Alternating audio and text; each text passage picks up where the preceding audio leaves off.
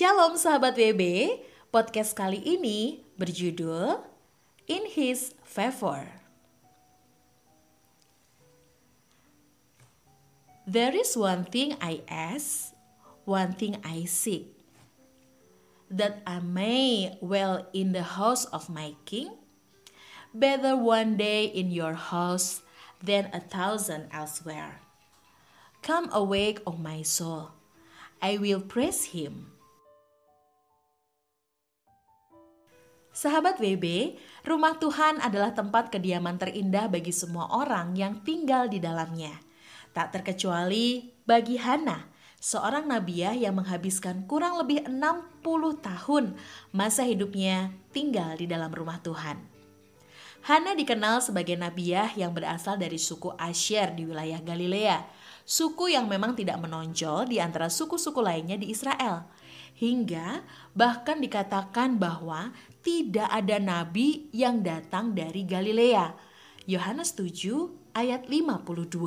Sahabat WB, Alkitab mencatat bahwa setelah kematian suaminya, Hana memilih untuk senantiasa berada di bait Allah. Siang, malam, ia beribadah dengan berpuasa dan berdoa. Hana menikmati indahnya tinggal di dalam rumah Tuhan. Ia mengabdikan seluruh hidupnya untuk pekerjaan Allah. Nama Hana itu sendiri dalam bahasa Ibraninya adalah Ava, yang dalam bahasa Inggris berarti favor. Ya, Hana mengalami favor ketika berada di rumah Tuhan, yaitu perkenanan Tuhan. Ia bertemu secara langsung dengan Yesus, anak yang dijanjikan itu, dan memberitakannya kepada semua orang yang menantikan kelepasan bagi Yerusalem. Sahabat WB, di zaman Hana, sebelum kedatangan Yesus ke dunia, tidak terdengar lagi suara kenabian berpuluh-puluh tahun lamanya. Itu sebabnya dunia menjadi gelap dan tanpa harapan. Israel masih berada di bawah kekuasaan Roma dan secara sadar atau tidak sadar mencari kelepasan yang hanya dapat diberikan oleh Allah semata, yaitu melalui kedatangan Mesias yang dijanjikan.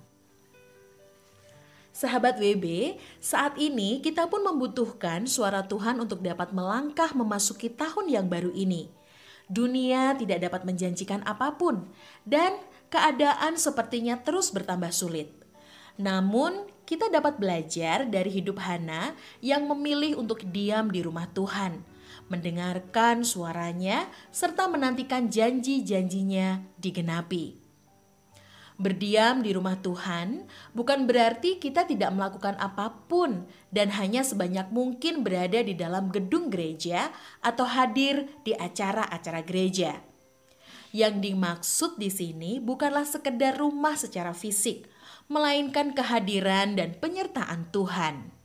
Diam di rumah Tuhan berarti hidup yang beribadah, hidup bersamanya, hidup di dalam penyertaannya di segala aspek kehidupan Berdoa dan membaca Alkitab adalah aplikasi praktis yang bisa kita lakukan sekarang, seperti yang dilakukan oleh Hana. Hasilnya jelas, yaitu sukacita hidup di dalam kemurahan Tuhan. Seperti pemazmur yang juga mengetahui bahwa Tuhan adalah terang, keselamatan, dan benteng hidupnya, karena itulah pemazmur mengungkapkan tidak ada tempat yang lebih aman selain di rumahnya. Sahabat WB, apakah kita memiliki keyakinan yang sama seperti itu? Sungguh, betapa besarnya kemurahan Tuhan atas hidup kita. Semua berkat jasmani dan rohani di dalam hidup ini datangnya dari kemurahan Tuhan kesehatan, kecukupan, pekerjaan yang diberkati, keluarga, rumah, mobil, hikmat dan kemampuan, kepercayaan dari orang lain dan sebagainya, semua adalah wujud kemurahan Tuhan bagi kita. Sadarilah selalu penyertaan dan kemurahan Tuhan dalam hidup ini, dan biarkan Dia menyatakan kehendaknya melalui hidup kita. Selanjutnya, alamilah bahwa Tuhan pasti memampukan dan memelihara kita termasuk di tahun baru yang memiliki segala tantangan baru ini pula. Sahabat WB dari perenungan di atas, berikut ini mari kita refleksi diri. Yang pertama, bersyukurlah atas kemurahan yang Tuhan berikan atas hidup Anda sepanjang tahun yang telah berlalu. Yang kedua, Sediakan waktu khusus untuk mendengar suara Tuhan dan meminta tuntunannya dalam memasuki awal tahun yang baru ini. Lalu yang ketiga atau yang terakhir, ambillah komitmen untuk selalu diam di dalam rumah Tuhan agar Anda dapat mengalami favor sepanjang tahun ini. Demikianlah podcast edisi kali ini. Terima kasih sudah mendengarkan. Tuhan memberkati dan sampai jumpa.